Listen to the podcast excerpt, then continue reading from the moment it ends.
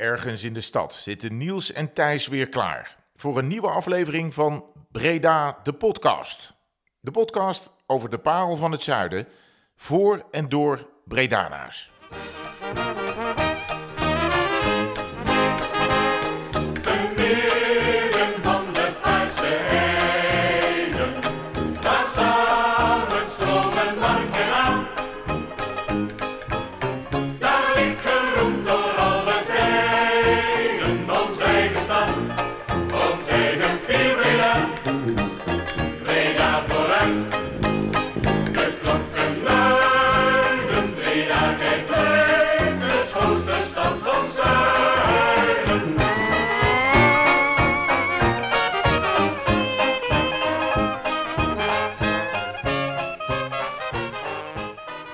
Welkom luisteraars bij een nieuwe aflevering van Breda de podcast. De podcast voor en door Bredanaars. En Niels, we zijn eh, in de binnenstad eh, weer eh, aanbeland. om de hoek. Ja, voor, Om de voor mij een thuiswedstrijd. Ja. Ja. We hoeven niet zo vet te sjouwen Nee. met, met, de spullen, met de spullen deze keer. Je had net nog een plekje op de vlaszak, hè? Ja, daar is het druk wel nu, hè, want het is natuurlijk kermis. Ja. Dus eh, ik mag daar parkeren met mijn parkeervergunning. Maar eh, op het moment dat het dan donderdagavond of zaterdagmiddag is, dan heb je al een probleem. Ja. En als dan eh, de kermis ook nog eens neergestreken op het chasséveld, dan is het echt... En koopavond zitten we nu, ja, dus het is dubbel op, eh, dubbel. op feest. Ben je al geweest bij de kermis? Of? Nee, ik nog niet. Mijn kinderen wel. Ik heb wel verschillende tikkies doorgestuurd gekregen, omdat ik die wilde betalen, dat ze op de kermis waren geweest. De muis kostte 5 euro, hoorde ik. Maar, eh, nou ja, Krijgen ze wat kermisgeld? eh? kermisgeld. Zeker. Ja, kreeg ik vroeger ook altijd. En dan vonden we het eigenlijk zonde om het, om het uit te geven. Dus dan gingen we altijd nog met geld mee terug. Maar Ja, dat mocht dan eh, wel in het spapel. Ja.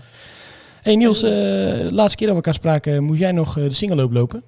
Nou, ik, ik zal niet zeggen hoe je hier net eh, aankwam gefietst, omdat je, omdat je niet meer eh, kan wandelen. Ook het alles te maken met hardlopen. Maar hoe is het gegaan? Ja, goed. Nou, de laatste keer dat we elkaar spraken thuis was volgens mij eh, op de singeloop zondag om eh, kwart over twaalf eh, toen Ja, de bommel dat uitrolden. Hè. Dat was, Ja. het was trouwens geen praten meer bij jou. Maar Nee, dat is goed dat daar geen microfoons bij waren. Nee, dan, dan was niet podcastwaardig. Nee, nee, nee die, was goed. Die singeloop was, ja, die was echt supergoed. Ik heb met Pukkie meegedaan en de vijf kilometer gelopen. En ehm, ja, weet je, de stad leefde en bruiste. En het was volgens mij su het, was super mooi weer natuurlijk. En ehm, Willem Butt daarna nog even gesproken. En ja, volgens mij waren ze meer dan tevreden. Ja. En Dan naar, eh, even naar akkefietje natuurlijk met, met de lopers. Maar Ja. Volgens mij, eh, ik zag in ieder geval van één ging het goed. Een NAC-supporter die ja, dat las ik ook. Ja. waar het goed mee is, eh, goed is Ja. mee afgelopen. Maar dat hebben ze wel allemaal netjes... Ja, dat hebben ze goed gedaan volgens mij. Ja. En ehm, nou ja, weet je, die, die afterparty die was natuurlijk ook leuk. Ja, dat beviel goed, ja. Veel goed. Dat was een goede tip voor jou, die band in de boom. Ja, het is echt altijd heel leuk. Hoe heet die, die band? Eh, Foreplay. Voor, ja, Ja, was echt leuk. Hey, maar ja, ik, ik riep het even over jouw blessure, maar je loopt... De voorzitter van de singeloop was natuurlijk verbaasd dat jij ze allemaal had gelopen, alle, alle 35. Maar Ja. eh, het gaat niet meer zo lekker hè, met lopen. Nee, nou ja, ik, ik, ik word gewoon wat ouder uh, Thijs. Dus ik heb, eh, als er af en toe was gelopen, ja, dan is maar Gillespeetje speelt af en toe op. Nou ja, weet je, dan pak ik mijn fiets. Ik heb vanochtend eh heel erg gefietst eh, met een vriendje van mij, Bram Timmers, eh, op een gravelbike eh, 65 kilometer rondom Breda gereden. Masbos nu, en sowieso alle bossen zijn prachtig nu natuurlijk met alle kleuren. En, eh, Zeker met deze temperaturen. Ja, het is, eh, het is heel bijzonder, ja. Dus eh, nee, dat, dat maar moeten de, moeten de mensen zich zorgen gaan maken dat jij nummer 36 niet gaat lopen? Of? Nee, dat hoeft niet. Dat, hoeft niet. dat, gaat, dat gaat sowieso. En anders ik haar met ook duwen. Ja, en, ja, we kunnen meedoen met die, met die speciale Ja, ja, editie. dat, dat, kan, is, dat kan altijd. dat is heel waar. Hey Niels, ja, we zijn vandaag, ja, ik, ik zag altijd een van de leukste straatjes, maar ook een van de leukste lunchtentjes in, in Breda aanbeland. In de Sint-Janstraat.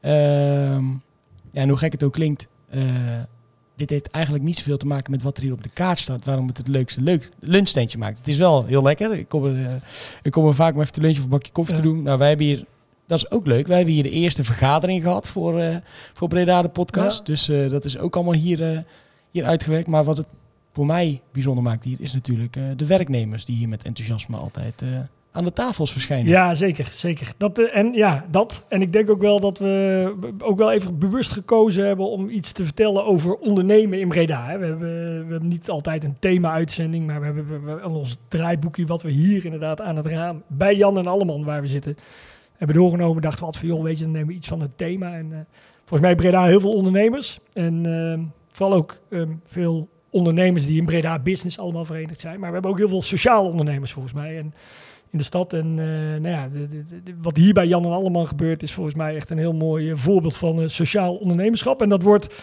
getrokken en aangejaagd door de man die hier naast ons zit, Fabian Muntslag. En we hebben Fabian al een keer eerder benaderd als sponsor van de show. En toen zei hij gelijk ja. En nou goed, toen hij ja zei, hebben we onze tweede vraag gesteld. Van ja, mogen we dan ook een keer bij jou onze microfoons en onze desk neerzetten om met jou eens te praten over wat je doet? Eh, hier bij Jan en Alleman. En, ehm, dus Ja, welkom, eh, Ja. Fabian. Nou, hallo.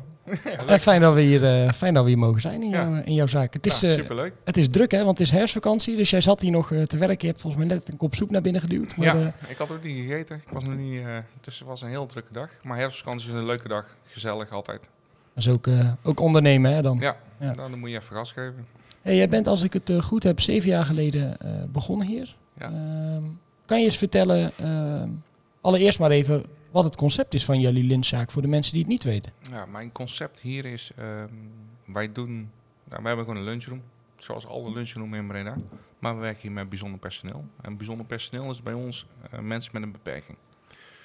Ehm, het is, sommigen zijn, hebben het syndroom van Down, eh, anderen hebben een geboren afwijking. Het is, ze hebben allemaal iets, zeg maar. Maar ehm, ja, ze doen, ze doen het wel hier. Ze doen hier alles. Ze werken met- ons mee. Eh, ze komen serveren. Ze maken wc's schoon. Ze staan in de keuken. Ze nemen mensen aan. Ze nemen de telefoon aan. Ze, ze zijn hier volwaardig. En ja, dat, dat doen wij hier. En we, en we koken lekker. Ja. En we vinden dat eh, als mensen hier komen, dat ze onze gasten zijn. En dat we ze moeten verwennen. En da- daarom is Niels ook altijd bij ons gezellig aan tafel. En we zijn altijd voor een praatje. En het is een beetje als thuiskomen. Dat is het meer. Het, je komt hier eten, je hebt hier lekker eten. Maar je kan lekker zitten. Je kan gewoon lekker je ding doen hier. Eh, de kinderen kunnen hier komen spelen. We zijn, er komen heel veel gezinnen komen hier. We hebben een leuke kinderhoek. We doen eh, caterings doen we. We doen feesten. Zijn mensen hier getrouwd. Het is echt. Ik ben dit begonnen zeven jaar geleden met het idee. Ik begin iets. Ik wil. eh, ik heb hard gewerkt voor andere mensen. Ik ga nou voor mezelf werken en ik wil iets opbouwen. Nou, dat is gebeurd. Er zijn eh, drie gezinnen hier getrouwd, waar ik nu de kinderen van zie. Ja. En zo loopt Jan en Alleman. Jan en Alleman is ook voor iedereen. Iedereen kan hier binnenkomen. We, hebben, we koken voor iedereen. Eh, ik heb verschillende gerechten op de kaart staan, Surinaams, normaal. Het, is, het is een kaart, maar dan weer anders, zeg maar. En je kan natuurlijk al- alles ook ze- zelf bepalen. In, in die zin van, het is jouw, jouw tent. Dat, Ja. dat maakt dat ook eh, m- eh, makkelijk. Ehm, in de voorbereiding eigenlijk op dit gesprek was ik, ik, was ik bezig met het draaiboek. En ik dacht, ja, hoe ga ik nou vra- vragen soms, zeg maar, wat jouw personeel zo bijzonder ma- maakt? Want ik dacht, ja, elke ondernemer of iedere, elke werkgever heeft natuurlijk gewoon te maken met uitdagingen Ja. eh, met zijn personeel. Alleen zijn die, die uitdagingen denk ik gewoon wat anders die jij hebt. Kan je ons daar eens in meenemen als je werkt met mensen met een verstandelijke beperking? En, en waarom je dat graag wilde in deze zaak? Eh, waarom ik dat graag wilde, is omdat ehm, hun kunnen alles. Je moet even de geduld ervoor hebben om ze even te motiveren, stimuleren, even eh, een stapje terug. Maar ze kunnen alles. Ehm, ik heb dit gedaan om ja, mijn dag hier, zeg maar. Als je binnenkomt, kom je al binnen en dan word je al, hoi, hoe is het? En dan krijg je knuffel. En het is, iedereen heeft werk. Maar ik heb werk en mijn werk is precies als bijzonder personeel, heel bijzonder. Je krijgt hier zoveel liefde. Eh, je kan hier chagrijnig binnenkomen en dan zien ze. En dan krijg je gewoon een extra knuffel, terwijl ze niet eens weten wat er aan de hand is. Dus eh, elke dag is anders. Je krijgt zoveel mee. Het is zo puur en zo eerlijk. Ja, daar heb je nergens. Dus wat- dat, Wat zijn dan wel de, de uitdagingen waar je extra rekening mee moet houden? Ja. Geduld. Het enigste. Geduld. Hm. Geduld en begeleiden. Dat is het enigste. Het kan echt serieus overal. Maar je moet geduld, je moet ze begeleiden. En je moet daar, je moet daar even rust voor hebben om te zien... Iedereen is anders, zoals in het leven, zeg maar. Ja. Ieder- ieder- iedereen is een verschillende persoon. En daar moet je een handboek, een handleiding... Iedereen heeft een handleiding. Nou, dat. En want je hebt het over die begeleiding, hè? Want eh, hoeveel, hoeveel even orde hoeveel mensen personeel heb jij hier nu op een dag staan? Ik heb ehm, op één dag werken er max vier bijzonder personeel. Oké. Ja. Ik heb er zeven, maar vier op een dag is zat. Want ze moeten begeleid worden. Ze moeten gestimuleerd worden, er moet aandacht voor zijn. En ik doe dit ook omdat ik dit leuk vind. Ja, En hun moeten het ook leuk vinden. Het is, kijk, vandaag zaten we helemaal vol. Maar ze moeten wel begeleid worden. Dus, dus vier is echt serieus de max. En eh, hoe, hoe, komen die, hoe heb jij die mensen, of eh, hoe, hoe werf jij die, of hoe komen die bij jou? Of, Eh, gewoon via, via binnenkomen, zoals jij een keer binnen bent gekomen. ja, ja. Dus dat. Ehm, ik ben ook niet zo van de PR en gedoe. Nee, En dat nee. is zeg maar. Zit je dan in de podcast? nou, ik vind het echt serieus reuze spannend ook. Dus eh, Nee, dat geeft helemaal niks. Maar, Nee, eh, maar- je, je zegt dus eh, vier bijzondere mensen hier op een Ja. dag aan het werk zijn. Ja. Die moeten begeleid worden. Eh, Ja. Is het andere personeel, is dat dan gewoon horecapersoneel? Of zijn het ook mensen die bijvoorbeeld de maatschappelijke studie hebben gedaan? alle twee. Is alle twee. We hebben, we hebben er eentje die is eindverantwoordelijk op de vloer, zeg maar. Dus dat is de aanspreekpunt op die dag. En iedereen heeft eh, een, ja, zo'n een gevoel, zeg maar. Mhm. Gewoon gevoel. En die kunnen er werken. Echte horeca-tijgers, zeg maar. Ja, dat, dat zie je niet op je, je. Je moet hier werken, maar je moet ook wel gevoelen. Je moet ook wel mee kunnen gaan. Eh, soms loopt het wel, soms loopt het niet. Zeg maar. En als het niet loopt, dan moet je zorgen dat het wel loopt. Ja, dat- ja. dat. En wa- je hebt het over, je doet het nu zeven jaar, zei je? Wat- Ja, Wat- wat heb jij acht jaar. Oké, wat, wat heb je daarvoor gedaan?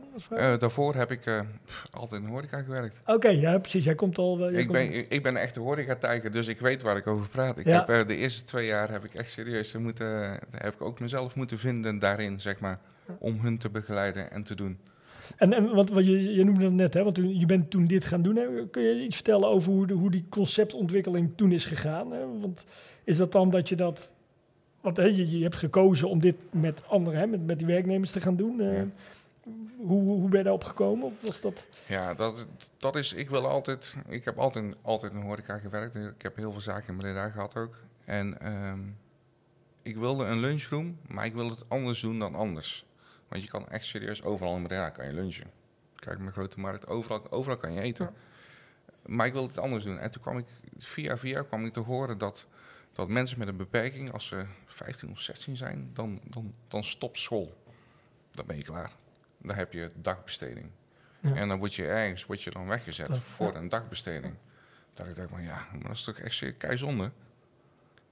Dus zo een beetje, een beetje, mij heel klein beetje in gaan verdiepen. En toen ben ik een keer naar, eh, ehm, naar voetbal geweest van, van bijzonder personeel. Ik heb daar een beetje, een beetje rondgelopen, een beetje gevraagd. En kijk, ik ben met dit, dit concept bezig.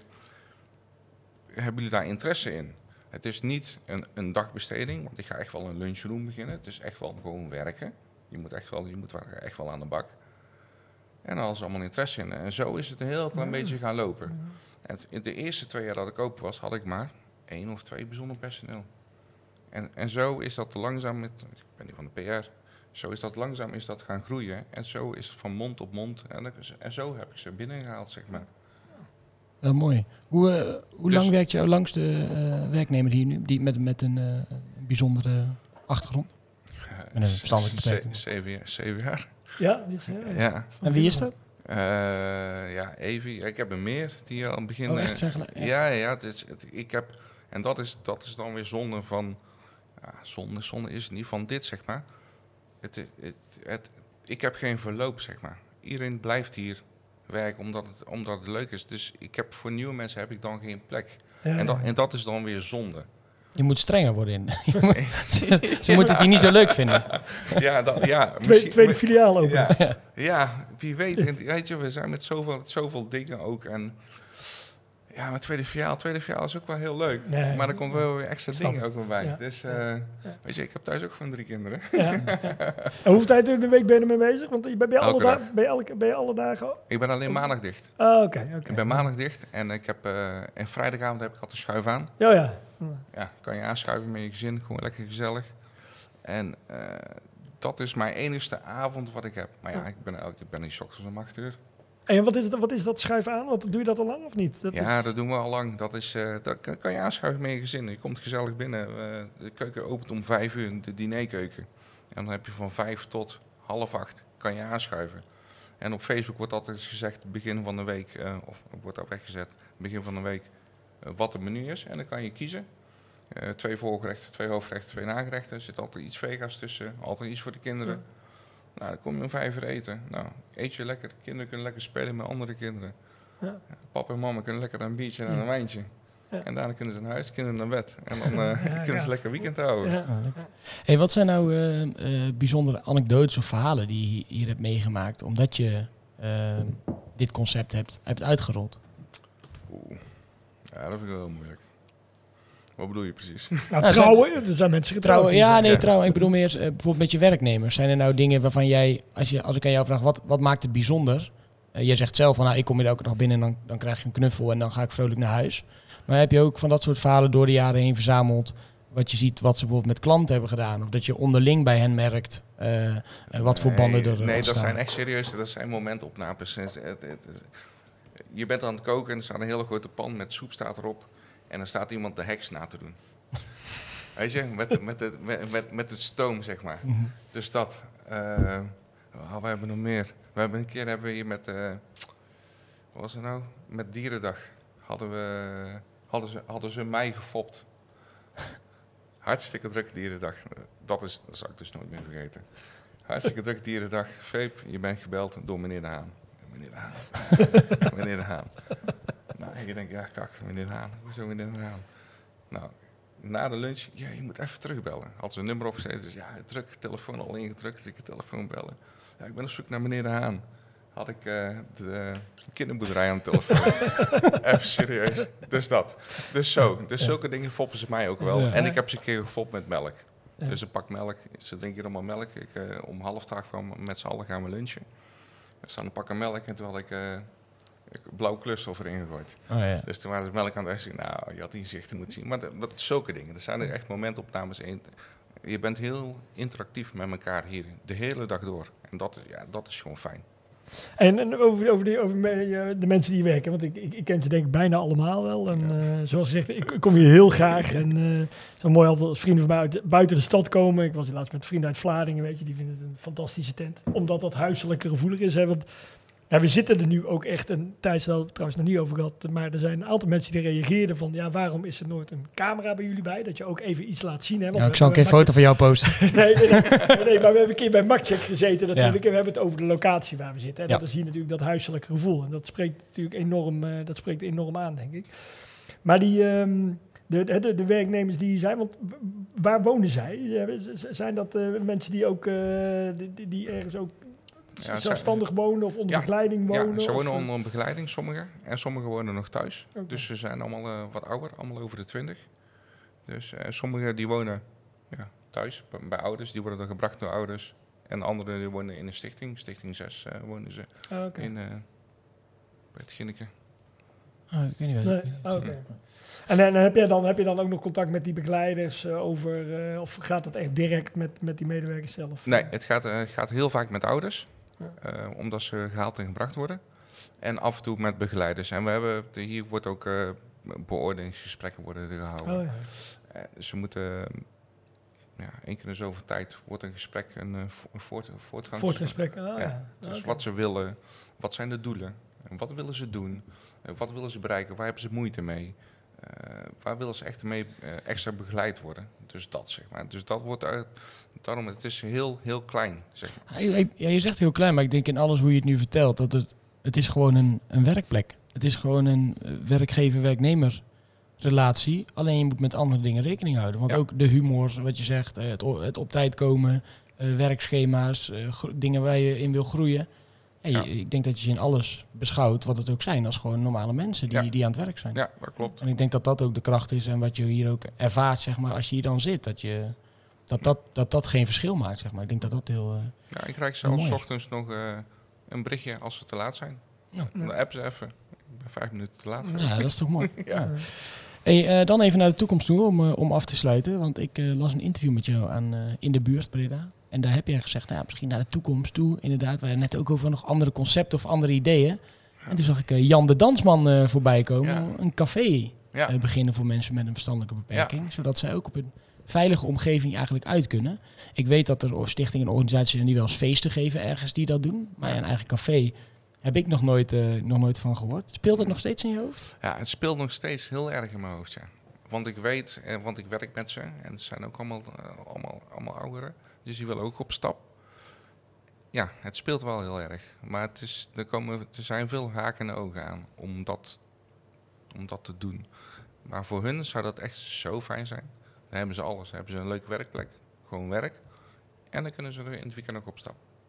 Maar, maar zou je daar deze locatie voor mogen gebruiken? Of Ja, wil je niet? in principe wel. Ja. Maar ja, waar moet ik het best, waar moet ik de meubels laten? Ja. Ja, ja, ja, ja. Hij is blij dat hij een avond thuis is. Eh, gaat Nee, er maar het is, het is echt serieus wel een ding, want het- ja, dat, dat, dat is er niet, zeg maar. Nou, ik Dus, denk eh, dat we, eh, we zijn ermee bezig. voor na de toekomst toe dan een mooi, mooi initiatief kan zijn. Fabian, bedankt voor, jou, eh, voor jouw Ja, tijd. super. Dan gaan wij ondertussen door naar het, eh, naar het volgende onderdeel van, eh, van de podcast, Niels. Dan is het nu weer tijd voor een historisch feit. Ja, het volgende, ondertussen even een tafelwissel doen we eventjes hier. Dus eh, als mensen denken, wat hoor ik op de achtergrond? We wisselen even van, eh, van gast, daar later meer over. Maar inderdaad, dit is historisch feitje. Eh, want elke week bespreken we natuurlijk een historisch feit van de stad. Een bijzonder iets wat heeft plaatsgevonden. Dat kan van het jaar 0 tot eh, gisteren zijn, Niels zeggen we altijd. Eh, maar ja, er is best wel wat te doen rondom het, het Zoet. Het trein waar het oude CSM-gebouw stond, de oude suikerfabriek. En tot onze verbazing eh, schept ons dat dat precies 150 jaar geleden is Wat verdikken we Thijs? dat die, eh, dat die fabriek is Maar gebouwd. vandaag, vandaag, precies 150 Nou, jaar vandaag niet, maar Nee. als het zo lang geleden is, dan telt het jaar, heb ik altijd geleerd. Zeker, dus in zeker. 1872 is eh, ja, de suikerfabriek opgericht. Ja. En ja, ik wou, ik wou eigenlijk zeggen, wie, wie herkent de silo's niet meer? Nee, ja, nou, de silo's en de geur. Hè? Want jij stuurde mij nog even voor dat rijboekje. En kwam je met die data door 2006, eh, de fabriek stilgelegd, 2009 de sloop. En toen dacht ik wel, ja, wat, waar, waar, wat, wat is nou nog mijn herinnering? Ik ben 48, eh, ouders wonen aan de Vredenburg, single. En volgens mij waren er altijd, en dan gaan we zo direct aan onze gast ook vragen, waren er volgens mij drie bekende geuren in Breda. En dat was in ieder geval de geur van de suikerfabrieken van de, van de suikerfabriek. De geur van de snoepfabriek van Vermellen. En je had de geur van de brouwerij. Hè, dat was van de, de bierbrouwerij. En eh, ja, volgens mij is oktober. Die laatste kan jij het best herinneren. kan- Ja. ja, in mijn jeugdjaar in ieder geval Vermellen. Van, Ja. eh, natuurlijk de Perfect Vermellen, die nog volgens mij ook nog steeds in Breda zit. En eh, nee, maar goed, dus dat, die, die, die, die- ja, die silo's, als je hè, vanuit over de Moerdijkbrug weer Breda inkwam, hè, dan zag je ze natuurlijk altijd al staan. En iemand die daar heel veel van weet, en ehm er wordt net al in het voorgesprek eh, ook al jarenlang rondleidingen over geeft en die hele geschiedenis eh, kent. Geboren en getogen in Breda ook. Klopt, klopt. Ehm, je hoort mensen die de stem misschien al kennen. Maar we hebben Barbara, Barbara Ja. Putters eh, uitgenodigd. Jazeker, dankjewel. Welkom. Dankjewel. Hier ook alles geweest, hier bij Jan en Alleman? Jazeker. Ik heb hier ook al heel veel groepen opgehaald. Die hebben zitten lunchen en dan mee de stad innemen. Dus heel veel. Ja, Ja, oké, Ja. heel mooi. Nou, welkom. ja dankjewel. En eh, ja, Thijs, we hadden al eh, ook even in in gekeken van ja, wat, wat, wat, hè, wat, wat, waar is dat terrein nu van en wat gaat er komen? Daar komen we denk ik eh, zo direct later nog, nog op. Maar als we nu aan jou eens vragen, zou je voor de mensen die het terrein nog wel kennen of iets wat kunnen vertellen over het oude terrein van CSM en over Ja. die silo's? En, eh, Nou, zeker wel. Weet je wat het is namelijk? Ehm, ik ben eigenaar van Breda Promotions dan. Al eh, 30 jaar trouwens. Ook dit jaar 30 jaar. Ook een En- historisch feit. Ook historisch feit. En ehm, wij hebben daar ook nog rondleidingen gegeven toen de fabriek er nog stond. En dat is natuurlijk wel heel bijzonder, hè, om daar nu te wandelen terwijl het kale vlakte is. En er ooit te hebben gewerkt in een bloedhete fabriek. Want als die suikerbieten tot bieten werden gemaakt, tot, of tot suiker werden gemaakt, dan was het of da- altijd erg koud daar, of het was er altijd bloedheet. Er zat eigenlijk niks, eh, niks tussen. En eh, ja, wat was jouw vraag eigenlijk ook weer? Nou ja, wat- ben ik nu wat- al kwijt. Ja, ja, wat, Ja. eh, de rondleidingen die je daar doet, wat, wat, wat kenmerkend is van dat terrein eh, van vroeger. Nou, het is, die rondleidingen waren vroeger tijdens de campagne altijd heel leuk. En eh, het jaar, ja, zei jij net, is belangrijk. Dat klopt ook. Want alleen van in de periode van september tot met december worden die bieten tot suiker verwerkt. Dus dat was de bietencampagne. En het is ook heel leuk om daar nu te lopen. En als je de mensen krijgt op bezoek, want er zijn iedere maand zijn er rondleidingen, zowel voor groepen als eh, voor individuelen. Die, die roepen allemaal over die geur. Iedereen kent die geur van de suikerfabriek. en iedereen roept dan, ach, wat was het toch altijd een gezellige periode. Bijna niemand had een hekel aan die geur. Want het kenmerkte juist dat er een gezellige periode van het jaar aanbrak. Met de kermis, zoals het nu is. Met eh, de kerst eraan komen. Het lekker was koud. Kreeg, ik hoor ook altijd berichten van mensen. Die gingen dan een frietje eten bij Christ. Daar dus, of ze gingen een frietje eten bij, eh, bij de boot. Die had eh, van, mijn naam even kwijt hoor. Maar die had van Stiphout, die had ook friet. Dus nou, en die berichten hoor je van de mensen. Ik hoor eigenlijk alleen maar positieve dingen. En die komen dan het zoet op. En ja, dat is natuurlijk één kale vlakte nu. Ja. Alhoewel er ook wel alweer pop-up dingen ontwikkeld eh, worden op dit terrein. Maar iedereen komt er met een andere reden. Of het zijn oud-werknemers. Of er zijn mensen die al een piketpaaltje willen slaan voor een huis, wat natuurlijk nog niet kan. Of er zijn mensen die events willen gaan organiseren. Iedereen heeft wel een reden om het zoet te bezoeken. Of ze komen kijken naar het groen wat er nu nog is op dit moment. Foto's maken van de kant van het zoet uit naar de stad kijken. Is natuurlijk uniek. Want dat heeft bijna niemand kunnen doen. Vroeger was dat waardeloze grond. Hè? Voordat de Ja. fabriek er stond, was het hooiland. En regelmatig overstroomde die mark. Eb en vloed had je toen eh, nog. Dus er gebeurde eigenlijk weinig. Dan dat er ambachten waren, er werd gevaren. Je had timmerwerkplaatsen, je had zeilmakerijen. Dat was er allemaal in die tijd. En zo, nu op dit moment zien we het eigenlijk zoals het voor 150 jaar geleden was. Ja, want en dat je- vind ik wel heel bijzonder. Als je natuurlijk, ik, eh, als mensen die nu luisteren op hun telefoon of achter je laptop zitten, ik zou zeggen, eh, Google ook even, hè, suikerfabrieken Breda, dan zie je die, die silo's. En als je dan kijkt naar, het, naar de horizon eigenlijk, of nu dat het stadbeeld wat toen was. Prachtig. Ja, die, die, die enorme, ja, inderdaad, je zegt nu prachtig. Ja. Maar je moet eigenlijk, daar denk ik, als je nu aan denkt, zou mensen zeggen, ja, waarom, wie heeft dat in godsnaam zo dicht bij de stad ooit gezet? En dat was toen natuurlijk een beetje de buitenkant ook. Kijk, als je naar de geschiedenis kijkt, dan was eh, in de tijd dat Breda een vestingstad was, tot 1870, 1880, was het industriegebied van de stad. Dat was waar de haven ligt, waar nu de nieuwe markt wordt eh, uitgegraven. Dat was je industriegebied. Daar zat Bakker en Ruep, daar zat eh, grote, heftige industrie. En die is verhuisd op enig moment naar, naar, de, naar het spoor. Want dat was handig voor aan- en afvoer van producten. Dus eh, dat is naar de rand het industriegebied geworden. Want die geuren, wat je zegt, honderden geuren hadden we in de Belkrum. hè? Ja, ja. Het was niet alleen de Van Melle, het was de suikerfabriek. Het was Asselberg en Agenius, de gebroeders Touw. Het was het slachthuis wat er stond. Klavers Jansen, je rook precies wanneer de uien van het land afkwamen. De rode kool, nou noem maar op. Van Melle had zijn snoepgeur. We hebben bij de suikerfabriek, want toen gaven wij de rondleidingen, één keer meegemaakt. Toen was de fabriek nog niet gestart. En toen had Van Melle zijn snoepjes bewaard. Zijn geur van zijn snoepjes, van zijn moeilijke snoepjes. Tot, dat, tot die periode. En ze werden heel boos opgebeld naar de suikerfabriek. Want ik ruik het wel, jullie zijn weer begonnen en dit en dat. Ze waren nog niet eens gestart. Nee. Maar toen was het de Van Melle die bezig was. Dus eh, de fabrieken onder elkaar gebruikten elkaar Ja, ook natuurlijk. Hè. Ja. Hey, en even voor mij, want Thijs had net over die silo, want ik, ik weet nog dat die fabriek stond. En maar wat ik al zei, aan de Vredenburg Singel reden ook vaak die vrachtwagens voorbij met, eh met suikerbiet. Hoe, want hoe groot was die fabriek? Hoeveel mensen werkten daar? En was Nou, Weet je dat dat een hele mooie fabriek was. Die was technisch tot het laatste toe punctueel. Die was fantastisch. Het was een van de beste fabrieken van Europa waar suiker uit suikerbieten werd gehaald. Maar hij stond natuurlijk midden in de stad. De stad is er helemaal omheen gegroeid. En dat is natuurlijk niet handig. En bovendien was het ook zo dat in Europa een te veel aan suikerfabrieken was. Ook in Nederland. En toen is de keuze gemaakt om deze suikerfabriek te laten verdwijnen. Maar het, eh, de fabriek die was geweldig. En eigenlijk is dat een heel proces geweest. Want als je praat over 150 jaar geleden, dan verdienden duizenden mensen hun inkomen aan zo'n fabriek. Als de suikerfabrieken in dorpen of steden, want iedere, fabrie- iedere stad of dorp had bijna een suikerfabriek, begon te draaien, dan was de armoede uit de stad. Ja, ja, Dan gingen de mensen weer geld verdienen. En iedereen leefde daarvan. En dat werd doorgegeven om daar te werken van vader op zoon en al die zaken. Er kwamen ook hele groepen mensen uit eh, Noord-België, uit Vlaanderen bijvoorbeeld. Ja, want ik zag een... het- Oh, om, het sorry, sorry, om, om, om te, om, Om hier te werken in de bietencampagne. Ja. Je had drie soorten werknemers. Hè? Je had een, eh dat waren de vaste medewerkers. En die hadden in de campagne een ander beroep dan in de intercampagne. Dan had je de losse medewerkers. En je had de vaste lossen, die ieder jaar terugkwamen. Die konden gewoon weer gaan staan en konden weer gaan beginnen. Maar, en naar de rand is natuurlijk veel minder personeel gekomen. Mhm. En als je kijkt, de laatste jaren had je zo'n 35 mensen in een ploeg. En had je vier ploegen. Dus waren er 120 mensen die die fabriek 24 uur per dag, zeven dagen lang draaiende hielden. En dat waren enorme krachten, hè, want suikerbieten zijn groot.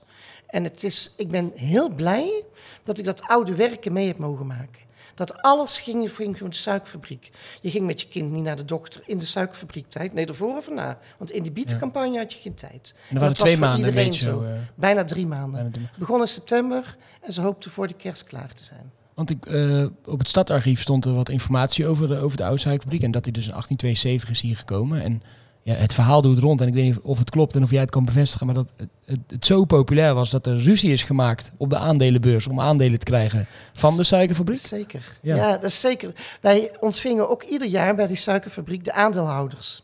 En dan kwam de driekoppige directie uit Amsterdam, die kwam die aandeelhouders ontvangen. Maar je had natuurlijk hele grote herenboeren, maar je had ook kleine aandeelhouders. Of misschien, er zaten mensen bij en die waren zo verschrikkelijk oud. En die vielen tijdens die presentatie van die directies allemaal in slaap. Dus die directie die zat, stond daar te praten en te doen. En ondertussen sliep de helft van het publiek eh, was aan het slapen. Maar dat waren allemaal je aandeelhouders. En dat was heel erg populair. Echt super En in die eerste, in die eerste eh, tientallen jaren, wat je zegt, kwamen ze dus overal vandaan. Want op, op een gegeven moment is de, de suikerfabriek ook eh, opgegaan met allerlei kleine fabriekjes eigenlijk uit de regio. Klopt, ja. Dus ik kan me voorstellen dat het destijds heel veel werk was eh, eh, voor de regio en voor, ook voor Breda. Ja. Maar een stuk later, wat zoals je nu vertelt, Ja. was het dus eigenlijk voornamelijk een extreem grote fabriek. Met, met tiental men, tientallen Nou, mensen die uit De Breda fabriek werken. zelf was niet zo groot. Je had zoveel ruimte nodig voor je vrachtauto's. Want ga maar eens na, iedere dag 450 vrachtauto's. Als er maar een kleine storing was op zo'n fabriek, dan had je in no time een enorme rij. Maar ook de restproducten van je bietenproces, zoals schuimaarde, wat je op het land uitrijdt om het weer vruchtbaar te maken, dat moest ook ergens bewaard worden. Je had ook hele grote putten. En tijdens het wasproces heb je ook, het was allemaal groot, veel water nodig. Het was allemaal groot en veel volume. Het was gewoon enorm. Maar qua, qua werkgelegenheid viel, viel het aan het einde van Aan die het periode wel einde mee. viel dat wel mee, inderdaad. Wij maakten ook de periode mee dat de brouwerij dichtging. En de brouwerij sloot eerder dan de ja, ja. Dus die mensen van de brouwerij die werden toen aangenomen bij de suikerfabriek. En een jaar later ging die suikerfabriek ook dicht. Dat is toch wel dramatisch geweest in Breda, dat wij Ja. zoveel industrie hebben Ja, verloren. dat, Ja. Dat, heb ik, dat heb ik gelezen ook. Ja. En ik, eh, ik heb ook wel interviews gelezen dat, eh, d- dat dat inderdaad wel het, het unieke was dat de industrie zo dicht in de stad was. Hè. Ja. Terwijl dat er heel veel steden, neem bijvoorbeeld Rotterdam, die hebben natuurlijk ook de, hun, in, hun industrie en die gebouwen allemaal wel in stand gelaten. Ja. En die een mooie plek in de stad hebben gekregen. En dat, dat is natuurlijk wel iets. eh, Ja, dat, die gebouwen waren ook weer niet zo mooi bij de Nee. suikerfabriek. Ze waren functioneel, maar niet echt heel erg mooi. Ja. Nou, ik was vorige week op het Amsterdam Dance Event. Ik denk dat je best wel een behoorlijke technobeuken van die eh, silo's had kunnen maken, hoor. Ja, ja, dat zou wel gaaf zijn, maar daar, waren, daar lenen ze zich niet Ja. voor. Nou, Nee. nou, helaas. En even naar, eh, even naar, naar nu, hè, de, de tijd. Want het is een historisch feit, maar toch wat daar, eh, wat daar gaat gebeuren. Hè? Want Thijs noemde dat net al, het, het zoet, eh, of jij noemde dat ook. Allerlei ideeën voor, voor dat terrein. Hè. Eh, Volgens mij is gesproken dat het een nieuwe NAC-stadion zouden komen. En er werd gezegd van, nou, er moeten huizen komen. En, De trein is gekocht door, eh, door de gemeente door en de de, gemeente. provincie. Ja, eh, Ja, klopt. Allebei terug. voor de helft. Ja, Ja, ja, ja. En, ehm, ja, en, en, en nu, hoe, hoe kijk jij daarna? Wat, hoe sta jij erin? En wat, wat, wat wil je met de luisteraars delen over dat zoet? Eh, Ja, het is natuurlijk heel tof dat je zo'n groot terrein mag gaan ontwikkelen bijna in je binnenstad. Dat, dat gewoon aansluit aan je binnenstad. Meer dan 20 hectare hè, grond. 26 hectare. Het is, echt 26? heel, het is echt heel groot als je daar gaat lopen. Maar het is ook prachtig. Maar het mooie is wel dat de gemeente Breda, dat vind ik echt, en samen met de provincie, verder kijkt dan de neus lang is. Dus echt gaat proberen van jongens, hou die hele stad in de gaten. Kijk hoe het water stroomt, de blauwe aders, je groene aders, Breda stad in het groen. En zorg ervoor dat dat op het zoet goed ontwikkeld wordt en dat het goed aansluit met de stad. Dus sorry dat je, het mag een heel nieuw gebied worden, maar zorg wel dat je de aansluiting hebt met die, eh, met die stad. En dat is wel heel erg belangrijk. Maar er spelen natuurlijk heel veel dingen een rol. Hoe ga je in de toekomst om met de klimaatbeheersing? Eh, je hebt daar veel water, je hebt veel groen, maar je moet ook water kunnen opvangen. In tijden van schaarste heb je het weer nodig. Dat zijn allemaal dingen die je misschien wel met het zoet kunt gaan bewerkstelligen. Dus het is niet alleen dat daar direct gewoond moet worden, gewerkt moet worden. De natuur is een belangrijk issue. En ehm, ja, daarover moet goed worden nagedacht. Want, want hoe gaat dat proces nu, eh, nu in zijn gang? Want het- ik begreep, je kunt met ideeën komen. Hè? Ja. Dat, eh, en je zegt over na, wat, hoe, wa- wanneer is daar iets? Eh, Ik hoor wel eens opmerkingen van mensen die zeggen dat, het, dat ze vinden dat het langzaam gaat. Wanneer gaat het nou eindelijk eens open? Er wordt ook gevraagd van wanneer kan ik hier dan komen wonen? Eh, In nou, 2009 is al de sloop hè, destijds. begonnen. Ja, het heeft heel dat lang braak gelegen Ja, natuurlijk. Nou, hebben die processen ook een lange adem nodig hoor. En vaak moet je het ook wel eens even laten liggen om de boel goed te kunnen ont- eh, ontwikkelen. Dus ehm, ja, wat. Die iedereen wordt gevraagd nu mee te denken de komende tijd, te participeren. Wat zijn je ideeën? Niet alleen van de stadsbewoners, maar ook van mensen buiten de stad, organisaties, instellingen. Jongens, gooi je dromen op tafel. Dat vind ik ook heel belangrijk. NAC Stadion. Als je- als je- ja, Ja. gooi het op tafel. Kijk Ja. wat er mogelijk eh, is. En eh, ga met z'n allen kijken wat je kunt doen. Want alleen ga je snel, roep ik altijd. Maar samen kom je verder. Hè? en dan, hoe, hoe, hoe is het, hoe, hoe is het nu? Zijn er al veel ideeën die... eh, Er worden heel veel ideeën eh, binnengebracht. De eerste avond die we gaan organiseren voor iedereen... Dan moet ik heel even op mijn papiertje kijken. De inloopavond is op 23 eh, november. Bij, eh, bij Brak om 7 uur. Dus, en verder... eh, Gewoon openbare Ja, aangelegenheid. en dan, maar er komen er nog veel meer natuurlijk. Ja, zeker. Ja. maar, En- eh, maar, sorry, maar dat, dat is de eerste infoavond dat er vanuit... gepart, gevraagd wordt om, aan mensen om mee te denken vanuit de participatie van jongens, kom met je ideeën. En op dit moment wordt het ook verzameld via de site eh, op uh, Ja, www.hetzoet.com. www.hetzoet.com. Dus zoek die ook eens op, want daar staat ontzettend veel op waar je vaak ook geen idee van hebt. Maar ik vind ook die reacties van die mensen heel leuk, dus kom maar alsjeblieft eh, mee. En op Insta is er ook nog een robotje, hè? een robotje wat je kunt volgen en die op alle vragen een antwoord, eh, antwoord geeft. Alle vragen? Alle vragen. Ja, dat is zo'n robot, man. Alle vragen. Nou, ja, ja, nee, dat geeft in principe op alle vragen een antwoord. Niels en als je hadden niet wel weet, een is het ook een antwoord. Hè? Niels en ik hadden wel, hadden wel een idee. Ja, roep eens wat. Nou, er, was natuurlijk, er kwam een beetje in het nieuws dat er, dat moet een beetje een soort internationale hotspot moest het eh, worden. Hè, om mensen uit de, uit de Randstad en uit Rotterdam-regio hier naartoe te trekken. Dat vonden wij geen goed idee. Mogen wij daar ook Dat mogen genoteerd? jullie zeggen. Ja, zeker. Als ras-echte Bredaners kan ik me voorstellen dat je dat roept. En toch moet ik jullie zeggen dat wij met een onderzoek vanuit SIT, vanuit eh, de teruggave, eigenlijk hebben ontdekt dat het hele gebied, Zelig, Gasthuisvelde, het Zoet, dat het eigenlijk een heel internationaal gebied is. Want het ligt te midden van eh, de for. Internationals. Nee, Long Stay for Internationals. Het ligt te midden van mensen van Buwas die kamers zoeken. Die allemaal veel buitenlandse studenten hebben. Avans heeft dat ook. Ja. Als je kijkt naar de multiculturele de winkels in Breda. we hebben Breda. zoveel culturen en zoveel cul- andere culturen ook nodig. Wil je de nieuwe samenleving ingaan? Dat ik het toch eigenlijk wel een goed idee vind. Ja, Ja, wij, Ja, wij, Wanneer Rotterdam dan? Ja. Niet aan Rotterdam. Ja, Internationaal is goed. ja, Daar nee, kunnen we wel mee leven. Ja. Nee, nee, maar goed. Dat, en dan nog heel even over die robot hè, die jij net Ja. zei. Wat, hoe, hoe kunnen mensen dat vinden? Dan kunnen ze op Insta kunnen ze hem eh, vinden. Smart E op eh, Instagram. Het is de Sweetbot. Het, hij is schattig. Hij heeft van die mooie grote ogen.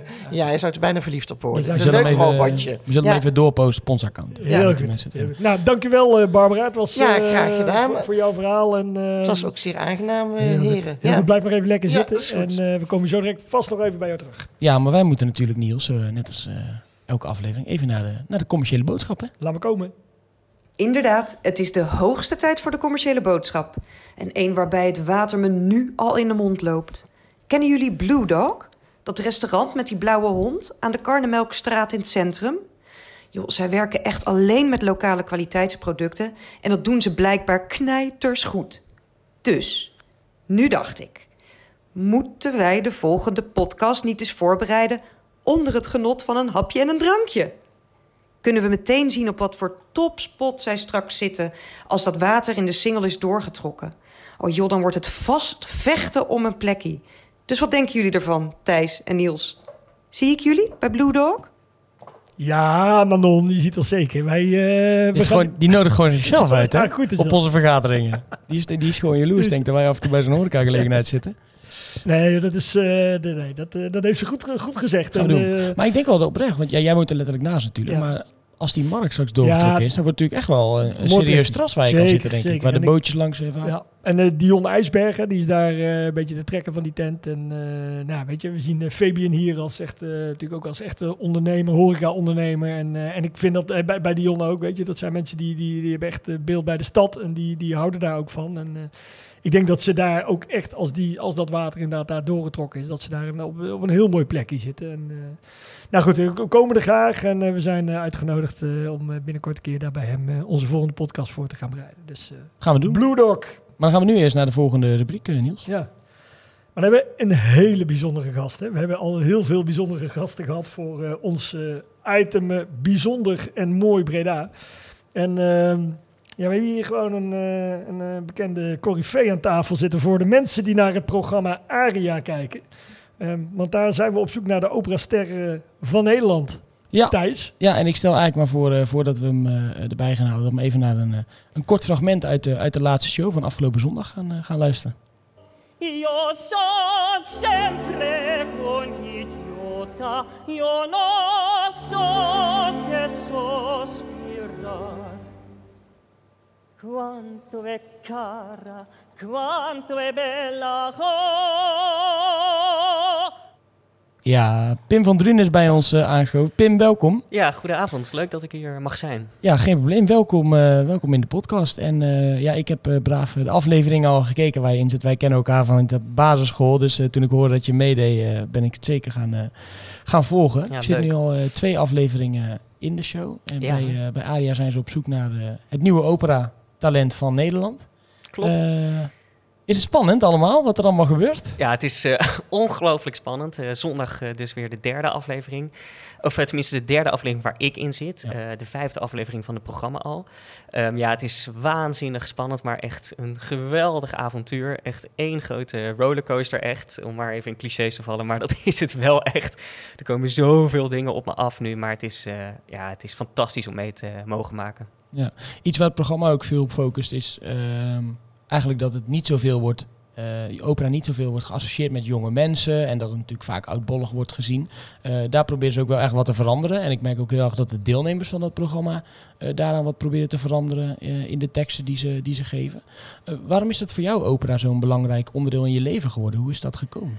Ja, ik hou gewoon enorm van muziek. En ehm, ik heb de klassieke muziek wel een beetje vanuit huis, eh, van huis uit meegekregen. En ik, ik hield gewoon heel erg van zingen. En als kind deed ik dat meer in musicals. En toen ben ik op een gegeven moment naar het conservatorium gegaan. En daar hebben ze mij geadviseerd om klassiek te gaan zingen.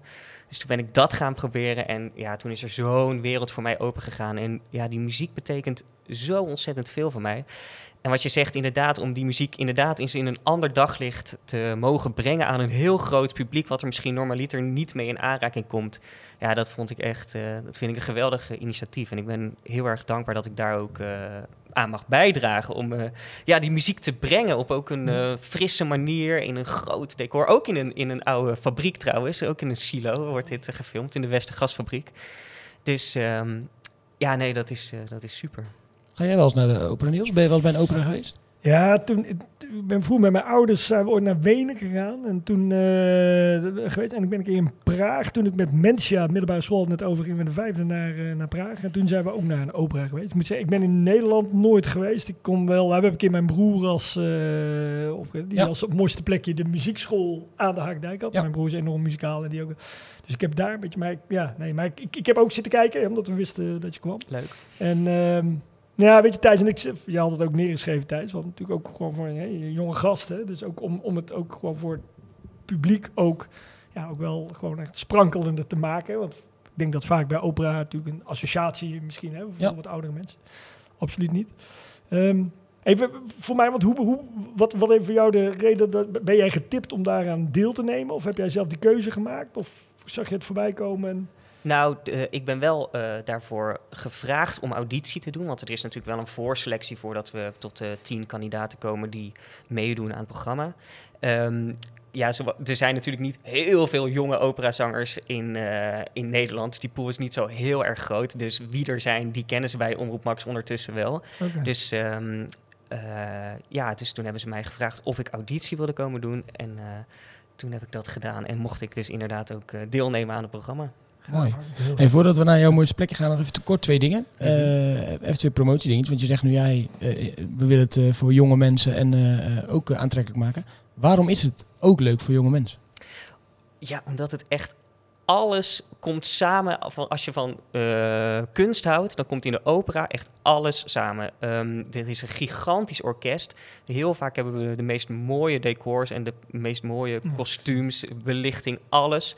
En wat ik, het is echt nog een oud ambacht. Wij zingen zonder microfoon. Dus er zit soms wel een orkest van 100 mensen. En dan, ik weet niet of je wel eens in het chassé in de grote zaal bent geweest. Nou, probeer daar maar eens dan de bovenste rij te bereiken met je stem. En dat dan zonder microfoon. Dus het is echt nog een oud ambacht waar gewoon heel veel scholing in zit om dat te kunnen doen. En als je dan iemand ziet staan daar op het toneel eh, en ja, en als alles dan samenkomt, ja, dat, dat is ook iets wat je per se live moet beleven. Dat is eigenlijk niet iets wat je op een album goed na kan bootsen, omdat het gewoon toch nog. Ja, het is zo indrukwekkend als je kan zien wat een menselijke stem kan bereiken. Dus dat vind ik. Ja, ga dat een keer ervaren. Je moet dat echt, echt een keer live ervaren. Die, die klank, die, Ja. ja. die kracht die er vrijkomt. Sowieso beginnen met afleveringen kijken. En daarna. En, en, ook, Ja, want ook zondag dat- is dan eh, de, de, de derde aflevering waar je in zit. Ja. Nu begint echt de afvalrace, hè, de laatste zes, kandida Ja, ja, zes ja. kandidaten. hè, Die, eh, We zijn, we zijn nu nog met zes, ja. Ja. We, zijn, we begonnen met tien en nu zijn we nog met eh, zes. En je leert ook veel van het programma, want ze leggen ook alles uit. En alle onze aria's die wij zingen worden ondertiteld. En van tevoren wordt verteld waar het verhaal over Ja, gaat. dat vind ik ook leuk, want eh, het is natuurlijk vaak of in het Duits of Italiaans. En dan kan je het heel moeilijk volgen. Je voelt de emotie en je ziet de gezichtsuitdrukking. Maar dat je nu ook van tevoren het verhaal krijgt wat wordt verteld en de, een ontiteling die erbij komt, begrijp je ook wat er gebeurt. Ja. Dus dat vind ik eh, erg leuk om ja, te zien. en dat is in de, wat heel veel mensen niet weten, maar dat is bij ons in de opera ook gewoon het geval. We hebben altijd boventiteling. Dus eh, we zingen wel heel vaak in het Italiaans of Frans of Duits, soms in het Engels. Eh, dus je denkt dan misschien, ja, dan weet ik helemaal niet waar het over gaat. Maar er is gewoon boventiteling. Dus je kan gewoon altijd lezen wat we zingen. En nu kunnen we jou eh, zondag dan weer zien op tv en hopelijk Ja. de, nog eh, vijf zondagen daarop. Eh, dat wordt natuurlijk even spannend. Zeker. Maar stel dat mensen nou wel een keer naar de opera willen. Heb jij nu een optreden of ben je met een tour bezig waar Ik mensen naartoe speel zouden eh, komen? momenteel in een kinderopera. Ehm, het, het Lijflied heet dat. Ehm, dat is een ongelooflijk leuke voorstelling over het menselijk lichaam. En ik speel daar een witte bloedcel. En al helemaal geweldig, aan het einde van de opera speel ik ook een drol. Oh. Dus dat is, dat is helemaal Jarenlang gestudeerd, Ja. zegt hij net hè? Oud ambacht, Ja. ik speel een rol. Conservatorium. Zeven jaar conservatorium gedaan en dan eh, mag ik nu eh, een drol spelen. Nee, maar dat is, dat is, dat is echt werkelijk waar één groot feest. Voor kinderen zo, we, de, de doelgroep is zo rond de zes ongeveer. Maar het is echt leuk En, voor en, iedereen. en waar treed je dan op? eh? We doen een tour door heel het Dat- land. Ja, dus binnenkort wat wel een beetje... we- Helaas niet in Breda, Hm. maar wel in Rosmalen binnenkort een aantal keer. En, en door de rest, ja, voor, Tof. door heel het land eigenlijk. Waarom is er eigenlijk geen, is er ooit een keer een Breda opera gemaakt? We hebben toch tal van verhalen die daar geschikt voor zijn? Eh, een opera over Breda. Ja, of over, over de oude verhalen, het Spanjaard schatverhaal. Of Ja, maar dat op. zou, eh, dat zou wat gek zijn. ja. Nou, u hoort het hier voor het eerst. Mocht iemand een idee hebben, dan eh, komen wij graag eh, langs. Maar Pim, we hebben Ja. jou gevraagd voor het, Ja, ja. Voor, voor het Ja, meest mooiste mooie, plek bijzondere plekje. eh, En dat leidt, we- ik zei net ook tegen Barbara en ook tegen Fabian. hè, We hebben elke keer daar, eh, we hebben, wie hebben we allemaal gehad daarvoor? Misschien wel leuk, eh, kort, eh, we hebben Paul de Plaag gehad. We hebben Eh, Daan eh, Kwaas, Daan Kwaars gehad. We hebben Jouw broer is geweest, Mijn eh, broer een keer, eh, Frans de. Beer. Eh eh, eh, Aukje van Ginneken hadden ja. we vorige keer. En, eh, en nu jij. Dus eh, wat is voor jou nu als geboren Bredaner ben je ook? hè? Zeker, Ja, zeker. Wat, wat is voor jou een bijzonder plekje? Nou, voor, jullie vroegen mij, en eh, wat is de mooiste of bijzonderste plek van Breda? En natuurlijk, eerst ging ik gelijk denken aan eh, het Ginnekenmarktje of aan het, eh, het Markdal, waar ik super, super graag kom. Maar ik dacht, ja, dat, dat kunnen we allemaal wel zien. Wat, wat vind ik nou Breda uniek maken? Wat vind ik nou zo leuk aan Breda? En dat is dat het een stad is, maar die voelt als een dorp voor mij. En dat komt voor mij het allerbeste tot zijn recht op het Valkeniersplein, waar ik vlakbij woon. Ik woon toevallig naast eh, een aantal van de werknemers die hier bij Jan en eh Alleman werken. Eh, Stichting 6, die, dat zit achter mij. Dus die kijken zo mijn tuin in en ik kijk bij hun naar binnen. Ja. Maar het Valkeniersplein dus, dus het pleintje ehm, waar de supermarkt is. eh, de, en, Bloemenzaak. eh, de bloemenzaken en Ja. de kruidvat, eh, kruidvat en de ja, want ik was, ik was ergens wel verbaasd natuurlijk. Ja. Toen je vraagt had op het mooiste plekje of het meest Ja. bijzondere plekje van iemand. En toen zei Pim Valkeniersplein. Ja, Toen dacht ik, dat moet je wel even uitleggen in die podcast. Ja, het want, is inderdaad esthetisch absoluut niet de mooiste Nee. plek van Breda. maar dat maakt het ook leuk. Ja, dat is bijzonder. ja. Maar ehm, daar heb ik echt het community gevoel. Die Albert Heijn die daar zit, daar, dat, is, dat is gewoon eigenlijk gewoon een buurthuis. De, de, het boodschappen doen daar is echt, dat is echt bijzaak. Iedereen komt daar gewoon alleen maar om te kletsen. Je kan daar eigenlijk ook niet met een winkelwagentje door de gangpaden lopen, want in ieder pad staat wel iemand te kletsen. En het, ja, dat vind ik zo fijn om hier te wonen. Je kan daar gewoon heen en je komt altijd wel iemand tegen die je kent. Dus eh, mijn eigen familie kom ik daar tegen, eh, vrienden van vroeger. ehm, ja, noem het maar op. En ik zie dat dat gewoon voor heel veel mensen daar het geval is. En, ehm, Het heeft ook alles, hè? Zo, Een bakker, Ja. een slager, Ja. visboer, eh, eh, een, een tabakzaakje. eh. Ja, het heeft, het Gewoon heeft gewoon voor mij echt een soort dorpsgevoel daar. Ehm, over, ja, het is gewoon heel erg gezellig en heel warme plek. En ik kom daar dus ook al heel mijn leven. Dus echt letterlijk vanuit de kinderwagen tot nu doe ik er zelf mijn, eh, mijn boodschappen. En ook bijvoorbeeld, eh, ik wil even toch nog even Kees van Hooijdonk eh, specifiek noemen. De, ja, de, bloemen, ja, wel echt iconisch voor Breda. Ja. Die tent is volgens mij in heel mijn leven, of mijn 29-jarige bestaan ondertussen, helemaal Niet niks veel. veranderd. Nee, nee. Dus daar kan je gewoon nog steeds een mooie bos bloemen kopen voor 15 euro. En alles staat er nog in van die plastic dingen. Sta, het staat het prijsje er nog in. En je hebt gewoon nog oude groenteboer waar ze nog steeds schreeuwen hoeveel de aardbeien die dag eh, Ja. kosten. Ja, dat vind ik gewoon echt, Mooi. dat vind ik echt mooi. En ehm, ja, je moet er ook niet met de auto heen gaan, want er zijn veel te weinig Ja. parkeerplekken voor, voor Dat niet te doen. Iedereen die daar wel eens met de auto naartoe is gereden, die weet dat doe ik nooit meer. Dus kom Ja. lekker op de fiets. En eh, ja, je hebt, er, je hebt er een kruidvat en een ethos tegenover elkaar. Ja, echt waarom dat is. Ja. dat is heel chill, want als de tandpasta bij de ene keer niet in de aanbieding is bij de andere, dan ga je gewoon naar de overkant en dan kan je hem daar eh, goedkoop halen. Nee, dus altijd als ik Mooi. daar ben, ik heb echt zin om boodschappen te doen. Niet omdat ik zoveel plezier heb om een eh, tros bananen te kopen, maar gewoon, ja, Nou, wat je zegt over dat buurthuis, en ik denk dat we daar echt ook nog wel aandacht aan besteden, want we hebben het over gehad, Niels. Dat, dat klopt natuurlijk wel bij die Albert Heijn, want ze hebben zichzelf natuurlijk ook heel erg geprofileerd met wat zij met, eh met Soefjan hebben gedaan. Stichting Ja, eh. Soef, Doe Ja. Soef. Eh, ik ga er niet, niet veel over vertellen, omdat ik denk dat het Nee, leuk is om hem ook een keer uit te nodigen. Maar een werknemer van hun die, eh, die leidt aan een, eh, een, een progressieve eh, ziekte in ieder geval. En die heeft nu zijn eigen stichting eh, opgezet. Eh, met de hulp van de supermarktmanagers en, en de hulp van heel de buurt. En eh, nou, dat maakt het inderdaad zeker. wel, mooi. ja, het is echt een super, super initiatief. Ja. Nou, mooi Pim. Mooi, Mooi. dat je zo omschreven hebt. Nou, mensen mogen dus zeker langskomen, maar niet met de auto. Nee. Dat, is, eh, dat is afgesproken Ja, op- bij, op bij eigen deze. risico, Ja, ja. op eigen risico. Dan is, het, eh, dan is het niet te doen. Gaan wij nog eventjes naar de, naar de agenda, Ja. Niels, voordat wij er eh, een einde aan breiden. Aflevering 7. Ja. En er staat weer genoeg in. En eh, ook een paar eh, linkjes weer naar oude gasten of oude sponsoren Ja. hebben we kunnen vinden. Ja, dat die, die, mag, die mag jij zo direct noemen. Daar sluiten we mee af. In ieder geval, ik zag voorbij komen. We hadden het net over in de vorige spreking al dat het nu net, eh, wat was er in de Mauritshuizen, iemand zich vast had geplakt aan een Ja. schilderij. Maar eh, vanaf 31 oktober tot 5 november is Kan jij jezelf ook vastplakken? Nee, nee, nee. is de Klimaatweek in Breda. En nou, dat is met allerlei workshops. Leuk en leerzaam voor jeugd en voor eh, volwassenen sowieso. Ik zag En, dat op eh, Kasteelplein nu ook een soort pop-up huis Ja, was. Waar je, vragen kan stellen en over, over, je ja, duurzaamheid. over, ja, ja, over en over hoe je energiezuinig je huis eh, kan inrichten. Dus ehm, ja, dus, dus dat ik denk, eh, misschien kunnen we wel zo vastlijmen op de middenstip van het NAC-stadion eh, bij NAC Telstar. Totdat ze een nieuw bestuur hebben. dat, dat kunnen we misschien wel doen. Kunnen we lang blijven zitten. Nee, dus dat, dat is dan. En eh, we, we zagen 5, 6 november. Hè, daar doelde jij op eh, de Blind Walls Ja. Filmfest. Ja, de Blind Walls Filmfest. eh, de eerste aflevering zaten we natuurlijk eh, Bij met, Dennis in- Elbers. met- ja, Dennis Elbers van Blind Walls Gallery. En die gaan nu voor het eerst in het Chassé Theater een, eh, ja, een, in het Chassé Cinema een, een, een filmfest organiseren. Waarbij ze allemaal korte films hebben gemaakt over kunstwerken of over graffiti. De makers van de kunstwerken zijn er ook die je daar kan ontmoeten. Eh, Q&A's zijn er. Dus Ja. een heel tof weekend. En ik denk sowieso wel een druk weekend als we in de agenda keken. Want ik zag nog twee andere leuke, leuke dingen voorbij komen.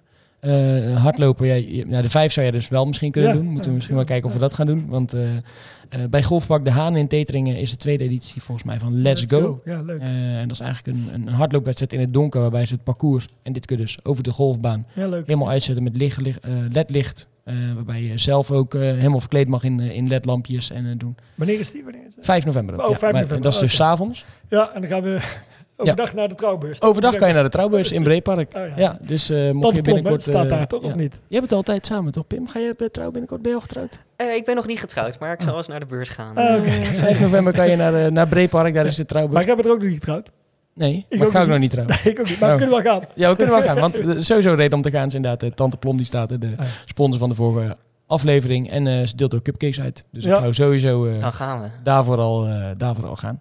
En ik had nog één vraag, Thijs, voordat we Oh. afsluiten. Want, Aan ehm, Aan mij? Ja, ja wat, Oh. wat, wat doen we nou met die abris hier die in de binnenstad staan, waarop staat Tilburg Studentenstad? Heb je ze gezien? Ja, dat heb ik gezien. Wat doen we ermee? Ja, de, eh, vastlijmen.